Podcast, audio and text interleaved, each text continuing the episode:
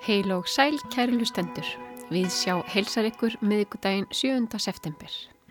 Við hljónum hann að sitja Halla Harðardóttir og Melgorka Ólarsdóttir og í dag bjóðum við upp á svipmynd af myndlistamanni, sjónlýsingar og bókmyndaverlun Haldós Lagsnes.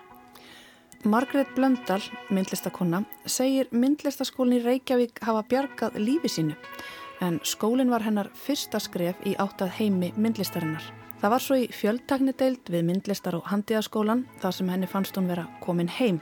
Þar fann hún sína leið til tjáningar. Síðan eru leiðin þó nokkur ár og Margret komið víða við í myndlistarheiminum. Hún sínur um þessar myndir í listasafni Íslands, síningu sem kallast Liðamót og E8 er hennar galleri. Margret er gestur okkar í dag í okkar fasta miðvíkudags lið svipmynd af listamanni.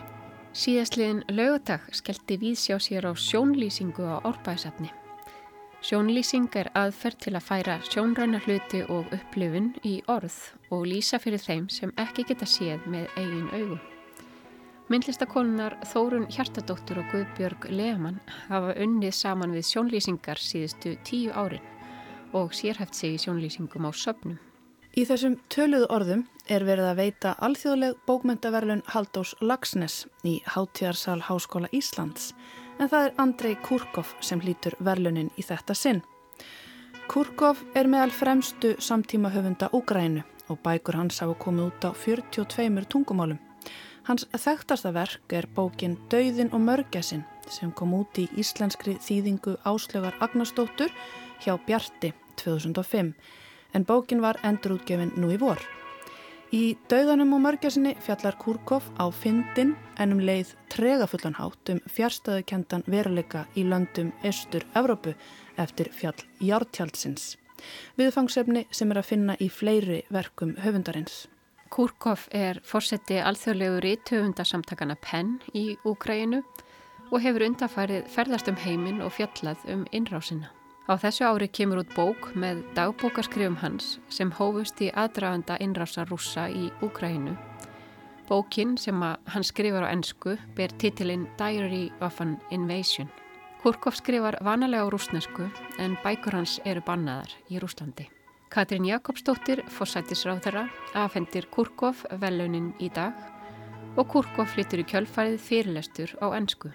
Hann kemur síðan fram á upplæstarkvöldi í Yðnó í kvöld á samt fleiri höfundu.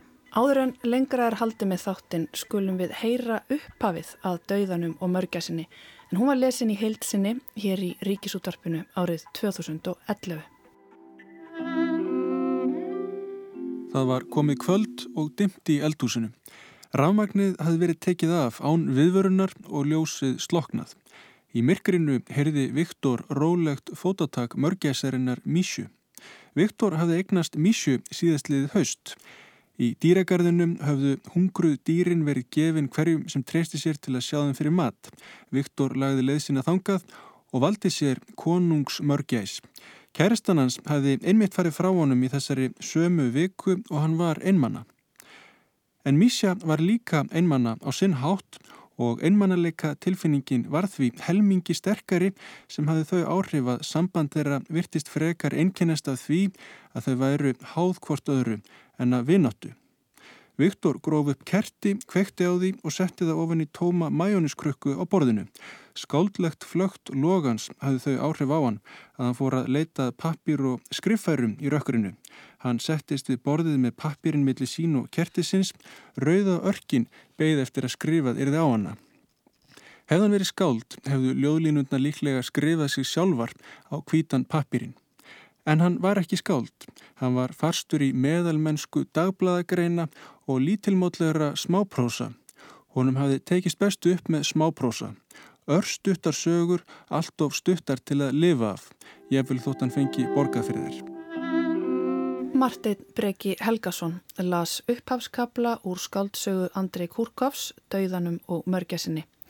Eins og við sögðum frá hér á áðan þá er Kurkov í þessum töluðu orðum að veita bókmentavelunum Haldós Lagsnes viðtöku í Hátteðasal Háskóla Íslands. Hann kemur einnig fram á upplestrarkvöldi íðn og í kvöld á samt fleiri höfundum. Aðgangur þar er ókipis og opin öllum. En þá yfir í allt annað. Þetta eru líklega síðustu sólardagar sumasins eða það sögðu allavega konunnar í sundinu í morgun. Dásanlegur dagur til þess að heimsækja árbæðisafn og hingað er ég komin til þess að upplifa árbæðisafn á annan hátt en ég hef áðgert. Ég er að fara í sjónlýsingu. Við stöldurum hérna við á torkinu og hittumst þar hópurinn sem ætlar að ganga um safnið. Margir blómum. Svona mjög fallegu svona gaman bæinn. Hvað er það? Það er lýsi. Já, það er hljóðið er að heyri það. Við byrjum á torkinu við ingangin inn að safninu. Það stendur stitta eftir Ásmund Sveinsson. Það er kona með strokk, sólinn skín á hana. Við ætlum að ganga fram hjá henni en einnur hópnum gengur að henni. Hann vil kann hana betur og við eldum hann. Hún er svona hlý og notalega eftir sóluna. Það er svona ekta, ekta, svona slétt ekta ásmundur. Hópurinn stendur í kringu stittuna. Sumir koma við hana, þreifa á henni, banka í hana. Hún horfið núna fram. Já, hún horfir eins og meira að segja svona aðeins, hallar aðeins undir flatt með skiluklút. já. Er hvað, Ásmundur Sveinsson. Já. Já. Hérna, hann var náttúrulega líka mjög svona, viltu endilega... Þær eru með blöð í höndunum og hafa kynnt sér safnið, sögulega staðirindir, segja hvaðan húsin eru komin, aðeins frá sögu þeirra, hvernig safnið sjálft byggist upp, hvernig það skiptist. en nú ætlum við að fara að lappa í áttina að kirkjunni.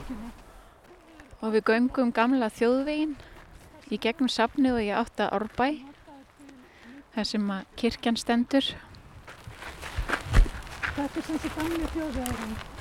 Hérna á þjóðveginum gamla sér maður vel yfir breiðoltið, neðra breiðoltið, segja þar. Þetta er eiginlega bara panorama, segja þar. Svona steinhleðsla með bara, Við göngum frekar hægt en samt hef ég ágræði að það heyri ekki allir og ég verð meðvituð um það að við þurftum kannski að stoppa til þess að passa að allir heyri og þegar við stoppum þá fer ég líka í huganum að hafa skoðun á því hvað mér langar til þess að fólki taki eftir. Mér langar til að heyra um flúrið í kirkjunni, útskorið skilrúm og litina á húsunum. Mér langar líka til að spurja hvort þau vilji kannski snerta hlaðna veggin sem við göngum fram hjá.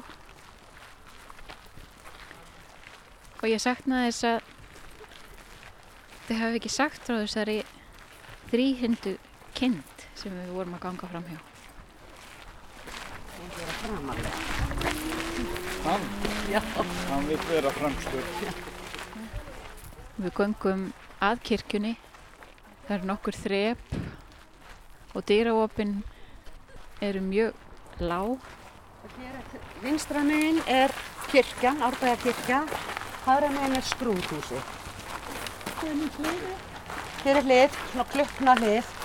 Og það er eitt, Einnur hópnum er ansi hávaksinn og hann notar stafinn til þess að finna út hæðina á dýraopinu. Sitt og þú þarft að örglega að beigja þig aðeins. Það er eitt þrep, það er eitt þrep líka upp í innum dyrnar. Við komumst öll inn í kirkjuna og setjumst niður í kórnum innan við skilrúmið.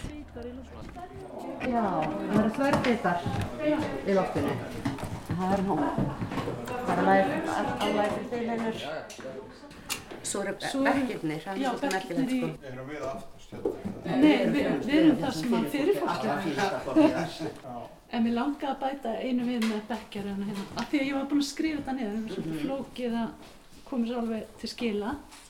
Að það er ein bekkjaröð næst kórnum sem snýr baki í alltarið þannig að þeir kirkjugestir sem snúa andlitinu í áttaprestinum þá er það ekki við sem sitja hér heldur þau sem sitja í hinnum sætunum hafa gott útsýn yfir bekkin og öfugsnúni bekkurinn var ætlaður ógiftum konum þannig að hann var svona eins og stefnumóta bekkur síns tíma þannig að sátu konuna svona og, og aðrir, kirk, aðrir kirkigestir gætu skoða konuna þetta er sem, já, vorði sínis en, en hvenna megin sko.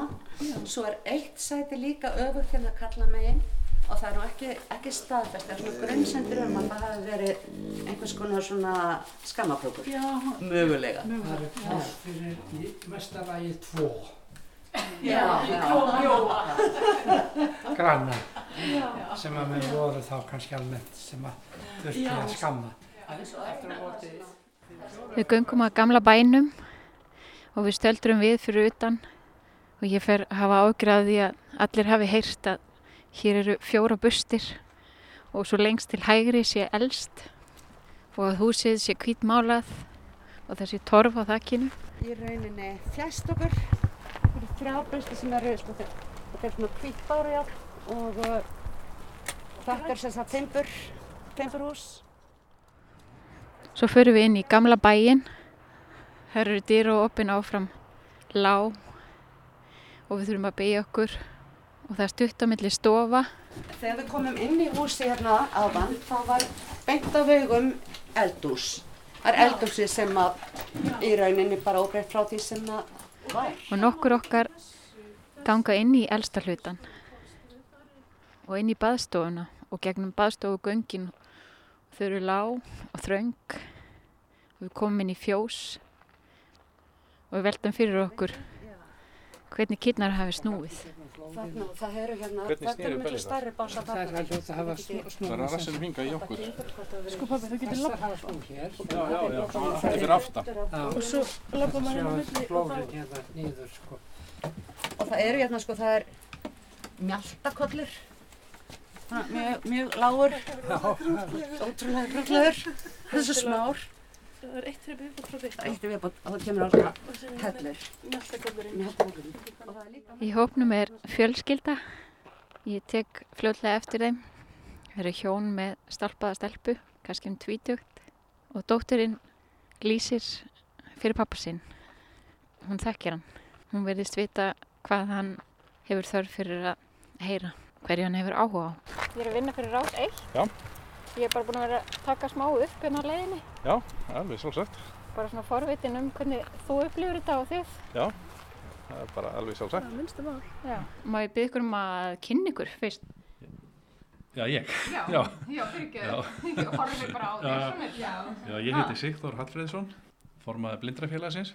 Já, og ég heiti Birta Sigðarsdóttir, dóttir Sigþórs. Og hafið þið farið áður á svona sjónlýsingu? Nei, ég hef ekki upplegað þetta áður. Þetta hérna, var mjög spennandi að prófa. Nei, ég heldur ekki farað svona. Ég tók eftir að þú ert svolítið að sjónlýsa fyrir pappaðinn hefur verið núna á þessari gönguferð. Já, ég er náttúrulega bara vöndi frá því að ég var lítil að lýsa fyrir því sem að ég sé og að reyna þannig að hjálpa pappa að sjá. Og eins með hurðar eða þrep, að vera ekki að reyka sig í og lýsa litum. En þú sagði mér áðan að pappiðinn hefði séð þegar þú fættist þá hefði hann kert bíl. Manst þú sjálfur eftir árbæðsafni? Ég? Já. Já, ég er búin að vita af safninu svo sem alla tíð en, en hérna, ég er uh, fættur og alveg upp út á landi þannig að, að ég var, ég held ég að koma hérna einu sinni áður uh, fyrir lung, langa, langa lungu sko. Þá sá ég miklu betur heldur en núna sko. En þegar þú gegst hérna um, sérðu þetta fyrir þér þegar þú gengur um, eh, fannst þér sjónlýsingin hjálpa?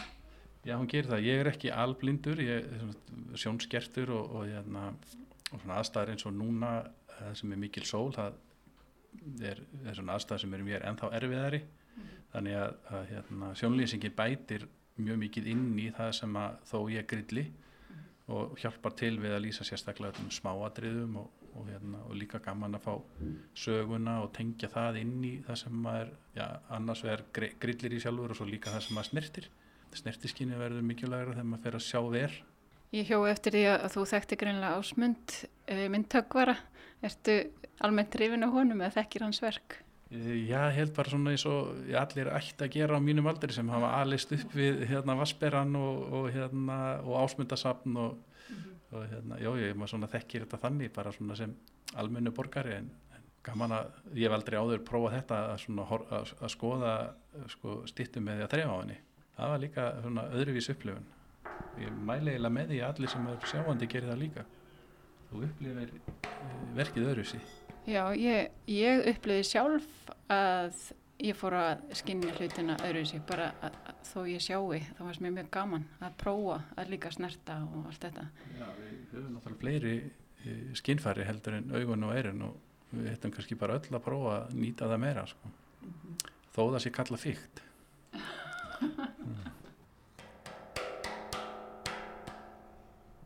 Já, mér finnst líka gaman að dittan hafi hittnað í sólinni og þú finnur það ekki með augunum, þú þarfst að þreyfa til að finna það og finna aðra áferð og svona sem að maður sér kannski ekki eins vel og maður finnur með höndunum. Þannig að þó maður sé sjáandi þá er það líka gaman. En var eitthvað sem að þú saknaðir í þessari lýsingu svona, sem að þú hefði viljað fá meiri upplýsingar um?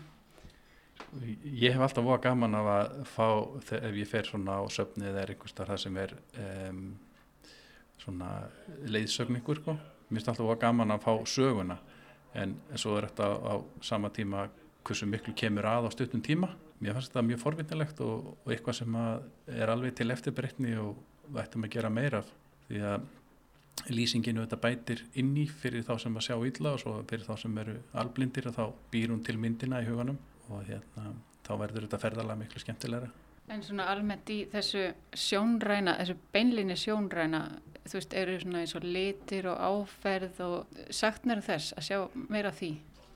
Já, maður saknar auðvitað það sem að þess sem maður hefur átt áður og, og þó að eitthvað kom í staðin og þá, þá, hérna, þá bætir það ekki upp uh, það sem þú hefur mist en eins og þessi sjónlýning hún gerir mikið fyrir mann hérna á safninu en svo er líka annar vettvangur sem að uh, fyrir sjónlýsingar sem er eiginlega maður segja alveg ónumin. Það er bara sjónvarsefni og kvikmyndir og, og kannski svolítið sérstætt að nú eru nú er sjónlýsing á, á sjónvarsáttum sem er verið að sína á Netflix en það var ekki þegar þeir voru síndir í, í hérna, sjónvarpinu hérna heima.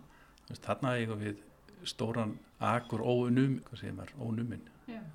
Ég heyrði að þú bættir ímsu við sjónlýsinguna, þú kannski þekkir líka pappaðinn og veist, kannt vel inn á þetta. Já, mér finnst líka, ég lýsi yfirleitt því sem að mér finnst sjálfur skemmtilegt. Eins og ég tek mikið eftir lítum á húsunum og hvernig gluggapóstarnir eru e, eða eitthvað svona sem að ég tengi sjálfi að finnst skemmtilegt. Þá lýsi ég því og tek svona því sem ég tek eftir. Það er náttúrulega bara mismunandi líka eftir einstaklingum hvað þau taka eftir. Þannig að ég held að hver lýsi svolítið sínu, sínu svona sem að þau sjá fyrst áhugavert.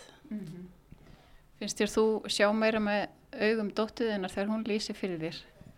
Já, hún gerir það náttúrulega, hún, hún kann orðið svolítið inn á mig líka og bætir þá inn í og, og hérna, svo er þetta líka eins og með þetta safn, hérna, þetta er svo stórt og mikið, margt að sjá að sennilega maður að taka þetta í bara áfengum til að upplifa það í raun og veru eins og það er í hilsinni. Melkorka fór á sjónlýsingu á árbæðarsafni hjá þeim Þórinni Hjartardóttur og Guðbjörgu Leman. Hún spjallaði líka við maðgininn Sigþór Hallfræðsson og Byrtu Sigþórsdóttur. En þá er komið að svipmyndinni. Heyrum fyrsta lagið sem að Margret Blöndal, myndlistarkona, kom með sér.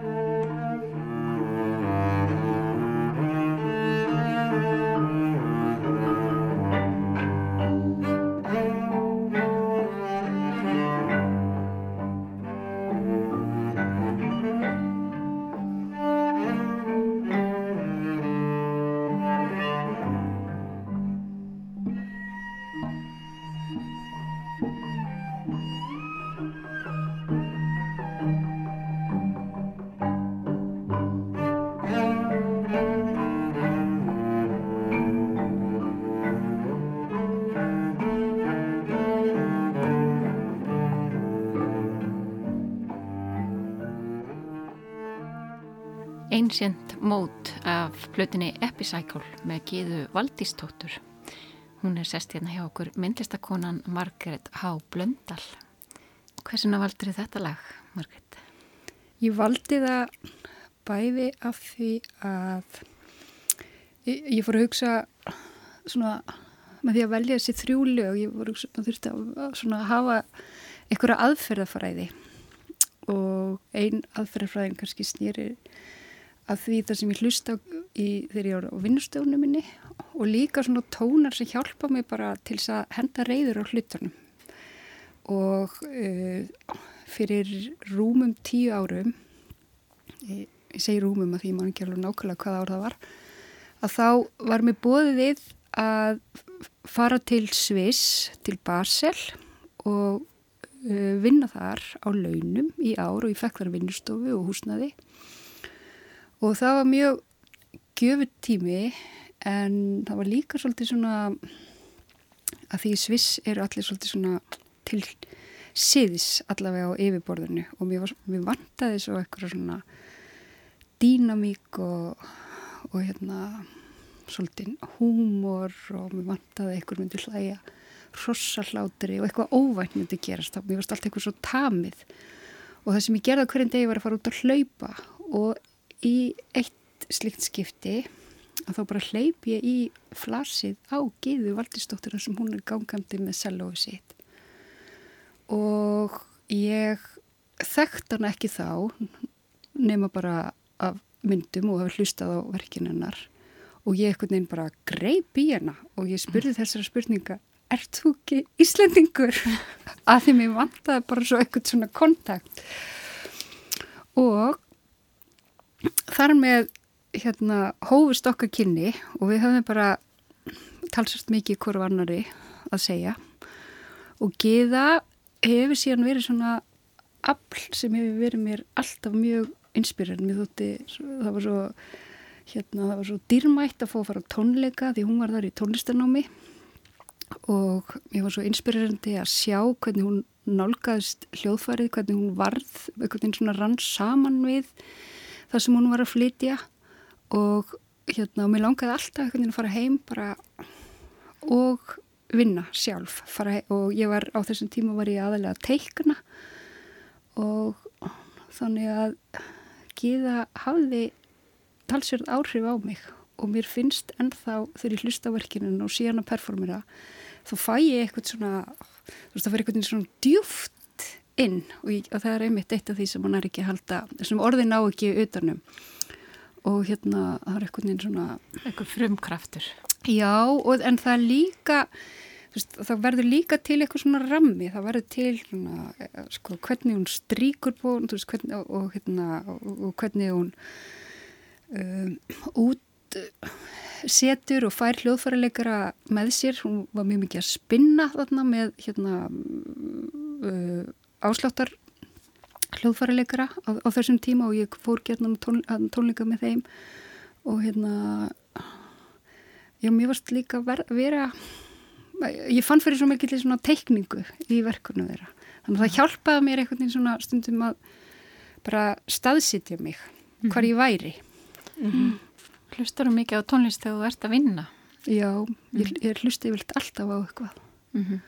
og það er mjög mismunandi alveg eins og síðasta vetur þá gati ég ekki hlusta á orð þú veist, stundum finnst mér að því ég hef líka farið tíma, tímabili þar sem að ég fer alveg í gegnum einmitt að hlusta á sérvalda þætti frá ríkisútarspunni hljóðvarpi mm -hmm. og hérna en en í vetur, þá, síðastlegin vetur að þá gæti ég ekki hlusta á neinn orðum, ég varst sérstaklega gott að hlusta á, á hérna á mér fannst mjög gott að hlusta á píjónuleikara og ég hlusta svo mikið á Mörtu Argerik, hún var bara eitthvað neginn hún var alveg mín mín kona mm.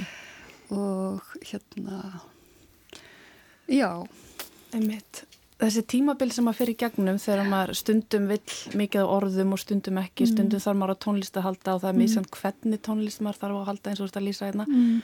endur speklast þetta í því sem þú gerir og verkonuðinum helduru?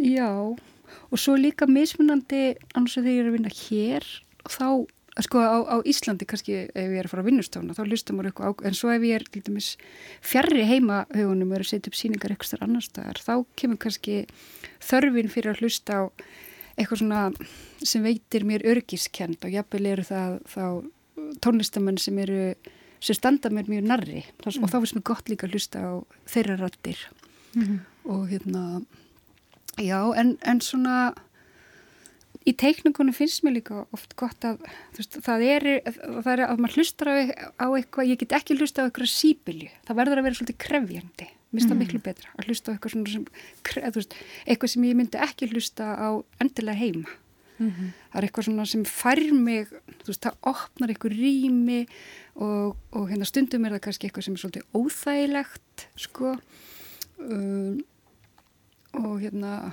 eitthvað svona sem að ítir við mér mm -hmm. þristi mér stundum í hverju áttina eða, já, og svo kemur kannski eitthvað sem er mjög uh, mjög mjúkt eða sefandi eða, já, en mhm. ég já, ég er vandlat á hvað ég hvað ég hlusta og eitthvað sem að veitir mér uh, hérna, sem ég get hlustað á sí endur tekið í dag geti ég kannski haft óþól fyrir mm -hmm. En taland um innblástur, hvað, mm. þú talar hérna um að þú ferðist mikið og þú varst í Basel í heilt ár mm. og hefur flakkat aldrei um heiminn. Er mm. mikilvægt fyrir þig sem hugsanði myndlistamann að, að vera lengi á öðrum stöðum? Já, sko, ég, ég kannski þarf ekki að vera svo lengi, en jú, það er mjög mikilvægt. Það skiptir miklu máli, finnst mér, að breyta um stað og hérna það getur líka verið bara innan Íslands mm -hmm. mér finnst það líka að gera mér gott en svona en, en þar sem við búum á eigu þá er mjög gott að fara yfir hafið og hérna bara andað sér öðru lofti og horfa á annars konar rithma og, og hérna, jú, mista, það er algjörlega lífsnauðsynlegt mm en, en, en það er svo merkilegt, minnst ég ekkit Sko það þarf ekki, þetta er kannski lengsta tímabil sem ég verið, sko, fyrir utan það að vera í námi, náttúrulega þegar ég verið nám, námi í bandaríkjunum. En hérna, og, og hún var mjög merkileg þessi, þessi reynsla í Basel, af því það er líka í, í fyrsta skipti sem ég farið og verið svona lengi einn, sko. Því sónum minn var fluttur að heimilinu og, og svona. Mm -hmm. Segð okkar hans frá hérna námsórunum í, í bandaríkjónum og svona kannski bara hvernig þú fannst myndlistina? Já, ég Varstu alveg upp við mikið af myndlist? Ekkert, nei, ekkert sérstaklega. Ég var ekkert sérstaklega alveg upp við myndlist og ég stundum hugsað að mér svona myndlistin eða hvernig hún fann mig að því að uh, ég, sem krakki fannst mér alltaf gaman að gera eitthvað með höndunum og ég átti auðvelt með það og ég gæti alveg síslað hérna, ég var svona dundari og, og mér þóttu líka gaman að teikna en ég var ekkit, uh, sko, ég skarði ekkit fram úr í, í hérna og ég var ekkert mikið að stúdera og, og, og svolítið svo mér langaði alltaf í myndlistaskólinu Reykjavík og Barnanús en einhverju hlutu vegna þá fór ég ekki. En svo var það ekki fyrir sko þegar ég var að hérna, mentaskóla árunum þá fór ég að fara á námskeið. Og ég hugsa að myndlistaskólinu Reykjavík eða ég hugsa að það ekkert ég get bara staðhæft það að hann bjargaði lífið mínu. Ég var í mentaskólinu Reykjavík og þetta voru ekkert uppáhalds árin mín. Ég, hugsa ekki til unglingsárunna sem hanna með hérna með einhverjum ljóma en mér þótti mjög gott að vera innan hérna vekja myndlistaskólans og svo sótt ég um myndlist og handíðaskólan og, og jafnvel þótt að ég hafi hérna verið glöð og alltaf hérna, á hverju minnsta degi og finnst mjög skemmtilegt í náminu. Og þá var það ekki fyrir en ég kom í fjöldtekni deilt sagt, á öðru ári. Að allt innu fannst mér ég var komin heim. Ég bara var búin að finna eitthvað leið til þess að tjá mig. Og það, og það er eitthvað, það er kannski svolítið erfitt að útskýra það en svona ég hafði hort á myndlist og það var eitthvað svona veggur á milli mín og verkana þú veist ég var kannski allt í einu þá, þá gerðist það að ég fór að skoða og bara kennararnir mínir síndu mér mikið af, af hérna, samtíma listaverkum og allt í einu fann ég verk sem töluði til og ég og það var svona það var pláss fyrir mig líka í þessum heimi og ég fann að ég tilheyrði ég hafði eitthvað að leggja til þessa heims og það var það sem var mjög merkilegt. Og svo einhvern veginn um, af því þetta er uh, það sem mér fannst einhvern veginn svo merkilegt það var það að, að, að hérna, maður er í einu skóla og maður er að læra alls konar og finnst gaman en það er samt veist, og gerir eitthvað og það er alveg vel gert en maður fyrir samt ekki alltaf leið í því, þú veist, það er ekki einhvern veginn tjáningin, en svo gerist eitthvað, þú veist, það er bara eitthvað sem útskýrir eitthvað fyrir manni, eða bara sína manni eitt verk og allt í hennum bara, það opnast glöfirna mm -hmm. og maður finnir, vá, hér á ég heima, þú veist, þetta er minn heimir og hvernig gatt ég, þú veist, og þá fyrir maður að hugsa tilbaka og einmitt mm, bara svona til skín veruleika manns frá því maður var krakki og hvað maður horfið á og, og hérna, og, og hvað vakti áhuga minn og þá er það ekki endilega nefnilega málverk eða myndlistaverk, heldur er það þú veist, kannski flögt í ljósinu eða bara, mm -hmm. þú veist, að geta leiði lengi og horta á uh, eða bara snert sængin sína og þú veist, klappað ömmu sinni skiljið, það er alls mhm. konar svona eitthvað sem ég sagði, já, þú veist, þetta er þarna var ég orðin myndlistamæður Það er þessi rosalega fingerða skinnjun og þú notar efni við það gerir tekningar sem að eru svona ólja sem tengir saman elementin. Mm. og ég er svona er svolítið forvitin eins og þegar þú ert í útlöndum.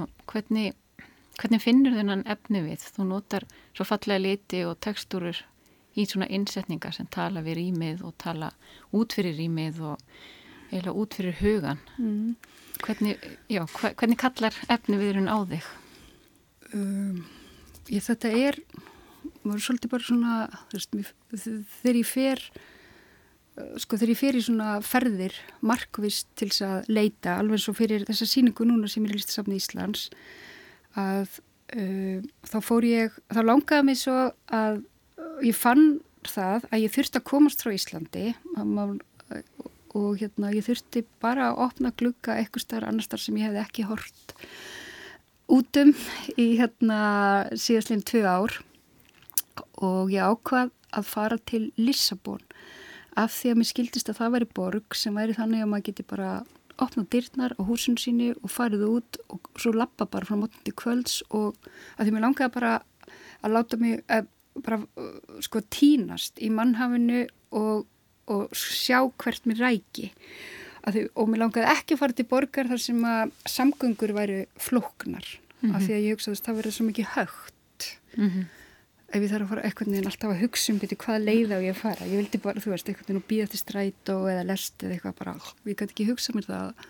Svo ég fór til Lissabon og það var einmitt svona drauma borg, ég gæti bara opnað dyrnar nákvæmlega og svo bara byrjaði að lappa og svo er eins og veist, það, það kemst það bara svona sem maður verður eitthvað dýr þú veist, ég og, og, og, og hérna og verð bara að vera með skinnjunina bara kveikt á skinnjuninni mm -hmm. og svo, svo og, og hérna svo sér maður kannski eitthvað búð og fer þá vinn mm. og horfir í kringu sig alveg gráðu augum að því að þetta verður líka verið svo svona koncentrerað skilur þú, þú þú ferði inn að því, að því þess, í þessu tilfelli ég var alltaf bara að nýta með fimm daga sko og hérna og svo einhvern veginn þá veit ég það bara alltaf þú veist, mm. það er eitthvað þarna og, og þarna var ég ekki með tungumálið og svo var maður ofta að byggja um eitthvað efni og ég veit ekki eins og til hvers það er notað mm. en það er bara einhvern veginn liturinn á því eða áferðin og, og svo veit, hef ég kannski tilfinningunni eins og ég fór í eitthvað svona uh, álnaveru verslanir að ég vissi að það væri til eitthvað sko ég var að það væri bara þú veist að ég, mér dætti í huga að það væri eitthvað svona bakvið sem að ég hefði áhuga á mm -hmm. og, og það er svo stundum svolítið erfitt að gera sér skiljanlega af því að ég af, af því að ég sjálf veit ekki hverju ég er að leita að en svo bara einhvern veginn hérna, tekst það yfirleitt mm -hmm. eða þú veist, ég finn það og ég menna ég var eins og í Marokko og þá kom einhver bíl þarna, þannig sem ég sá og, og, og það var vörubíl og, og vörubílslas og það var bara fullt af einhverju efni og ströngum og einhverju hérna, þráðum og ég fann, þú veist, ég sé bara þetta er efni sem ég vantar svo ég sé bara, ég hef ekki hugmyndum til hvers þetta er notað og hvað ég get sagt skilur, til þess að en sem betur fyrr þá var ég með síman mín á mér og þá var hægt að hérna, taka mynda af þessu og spyrja síðan hérna, innfættan Alls, aðstóður mann Já. það hlýtur að vera ævintýri að vera að leita eitthvað sem að veit ekki hvað er og, hérna, og finna það svo, gleðin. Mm. Já, það er það. Og það er rosa svona jú, það verður ævintýr og ég hef oft eins og niður var ég þarna, að því að fyrir þreymar hún var ég sínd í Róm og, og þá er það svolítið svona sem skiptir máli þegar maður er í þessum ham sko, að setja upp síningu að þá sko, þú veist, þá er eiginlega hver dagur svolítið svona eins og rituali, þú veist, maður verður að passa vel upp á líka energið sitt, þú veist, og hvert maður setur orkuna og hvað maður les og þú veist, hvernig maður hefur augun opinn og allt þetta. Og hérna, og svo var ég að fara og, og ákvað eitthvað, það var eitthvað inn í mér sem að sagði mér að ég þyrsti að ég ætla að færi ekki sömu leið í galleríið eins og ég var vön. Þannig ég fór bara eina leið sko, þú veist, það var hérna það var mjög lítil breyting en þannig þá, ó, þá gekk ég götu sem ég aldrei kingið áður. Og þar situr ykkur maður og hann er, hann, hann er að vefa körfur og með svona táar og allt innu sé ég bara og svo finnst það að ég var ekkert búin að hugsa um það bara allt innu við hliðin á hann með körfur þú veist, þeir eru tvær táar og, og ég hugsa bara ég þarf þessar. Þannig að ég fór til hans og spurði hvort að ég mætti kaupa þér á honum. Og, og hann var ég held að hann hafi bara gefið mér þær sko. og, og, þeir, og, og svo bara einhvern veginn það var nóg að halda á þeim inn í gallerið og þegar ég kom inn í gallerið þá vissi ég, þá bara eins og líka minn vissi alveg hvað ég ætti að gera þá gæti ég bara sagt þá bor, boraði ég bara að neldi nagla upp í loftið mm. og og svo allt hérna var ég búin að binda þær og er svifið þarna og voru bara eins og þær hefði alltaf á teima þarna og það var svona mómentur eru rúslega falleg, við sem erum skemmtileg.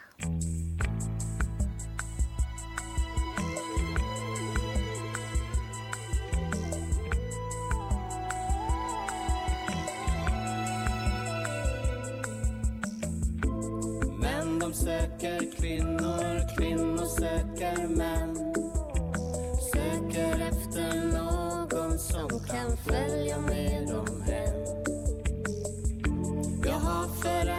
plats kanske just på grund av dig. Du vet att jag har svårt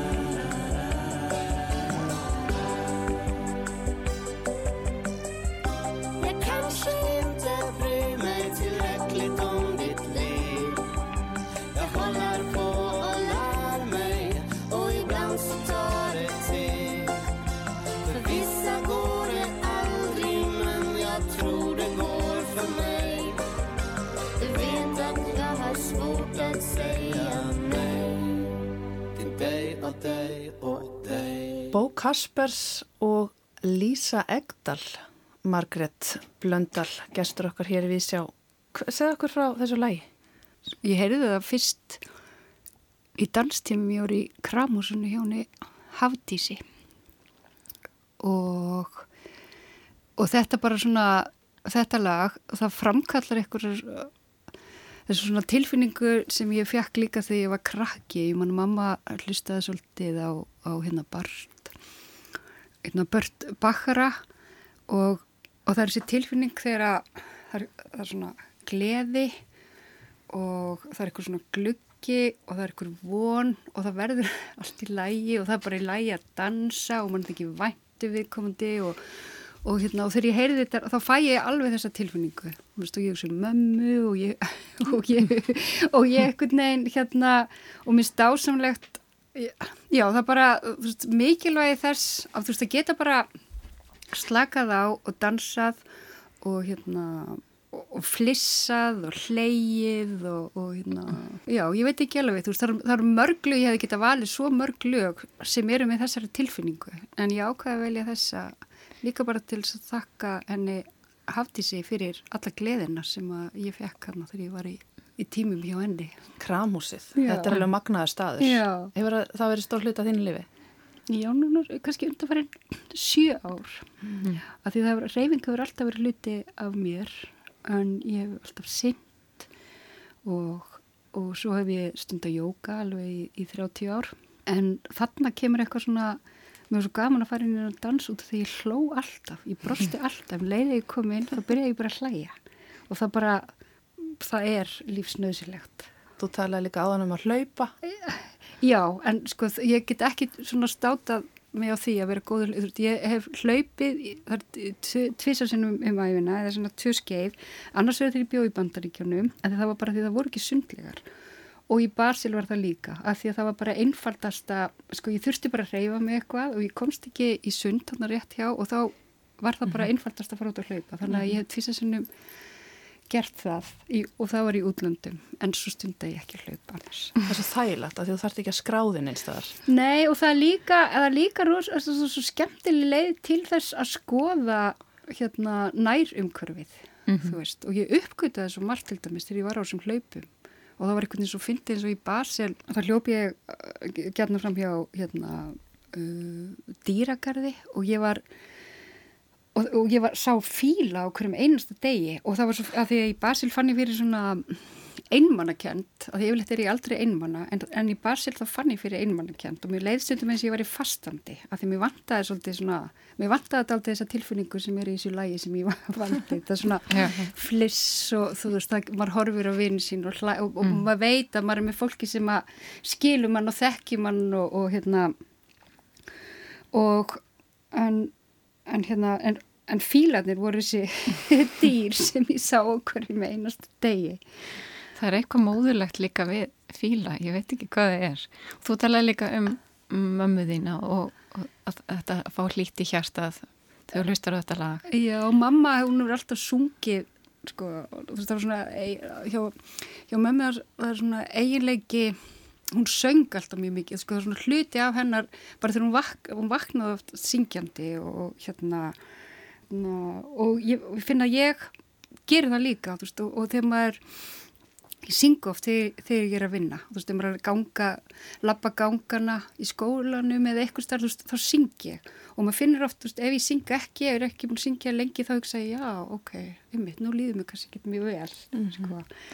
Já, það hljómar eins og þú uh, hafið þörf fyrir að, að, við þalda einhverju svona flæði í sköpunni með söngnum, með því að skinja hvað getur hjálpað þér að losa þið út úr einhverjum festum Já. hvort sem það er rossalátur eða eða einhver svona einhver öll, ég þarf að þurfa að vera einmitt, já, já. það er alveg svo leiðis og ég hef mjög og ég minna það er alltaf reyfingu og fljúandi fartekunnin í, í, í kringum hann. Og þetta er alltaf bara þú veist að finna þennan balans þú veist bæði þegar allt er á ómikið ferð og þá þarf maður að búa sér til þess að ramma. Mm -hmm. og þess vegna finnst mér og, og ég hugsa svona eins og innsetningarna mínar þar eru það er eitthvað tilrænt til þess að búa til kyrralífsmynd inn í, inn í rýminu sko að stilla hvert rými af af því að það er svo mikið káos einhvern veginn í kringum mm -hmm. mann og, og hérna og þegar ég er að teikna þá finnst mér ég ekki að bara, ég er að taka eitthvað svona reyfingu og ég er að veiða hana og grípa hana en hún er bara í stuttum tíma skiljið það, því það er svo, það er svo auðvelt að að jafnvæginu sé raskað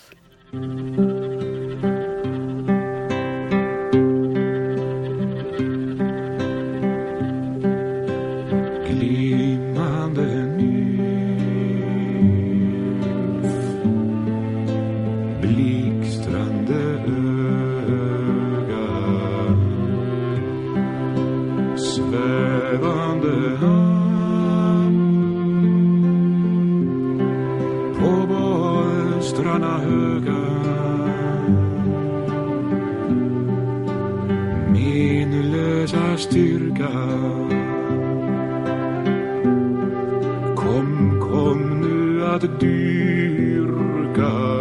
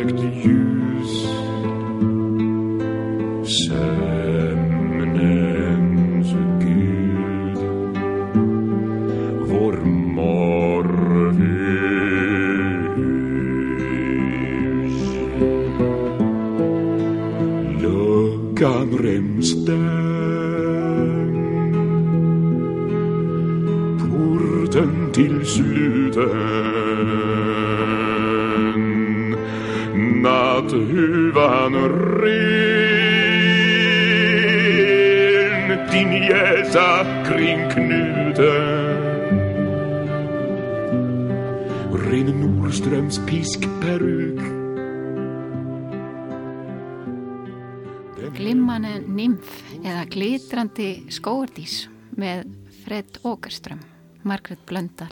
Þetta er ótrúlega notalegt lag. Hversuna valdur það?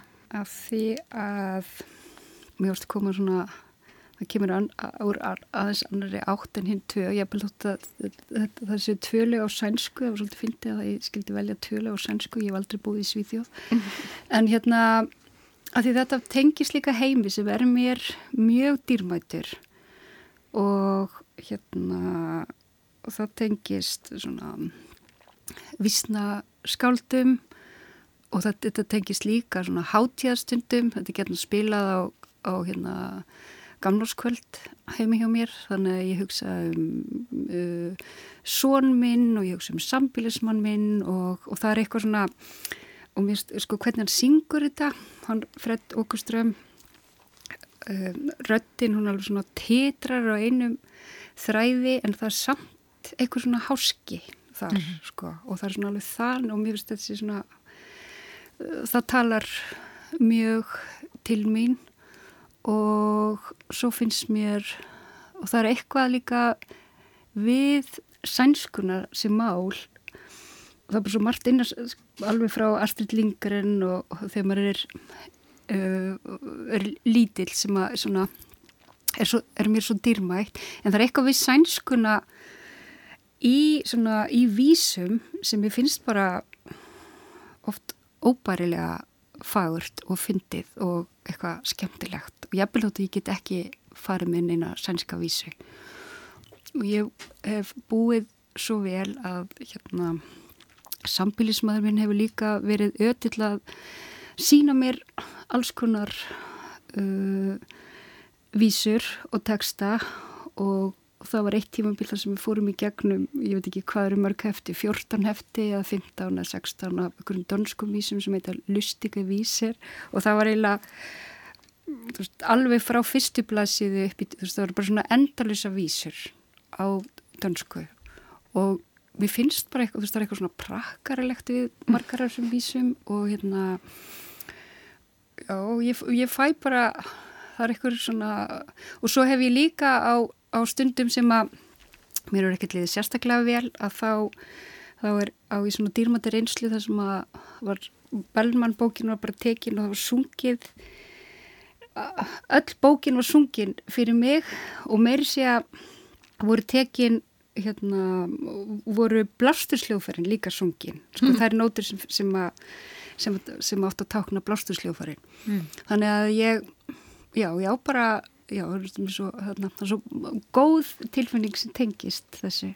Eitthvað svona heima tilfinning. Já, líka, þú veist, heima líka í þessari að hérna þegar maður getur deilt einhverjum heimi með annar en mannesku þú veist, hvort sem það er í gegnum af því að ég að svona dýrmatistu stundirnar eru þannig, þú veist, þegar maður er að lesa fyrir batni sitt og maður er að deila einhverjum heim og maður finnur að það er móttaka fyrir því, skilur það er eitthvað sem tekur mótið því og, og hérna, og svo líka þegar maður fær að taka mótið því frá einhverjum sem er göfill að vilja sína mann eitthvað mm. og, og maður finnur að það er sko gagkvæmi skilningur og það skiptir svo miklu máli í lífunu.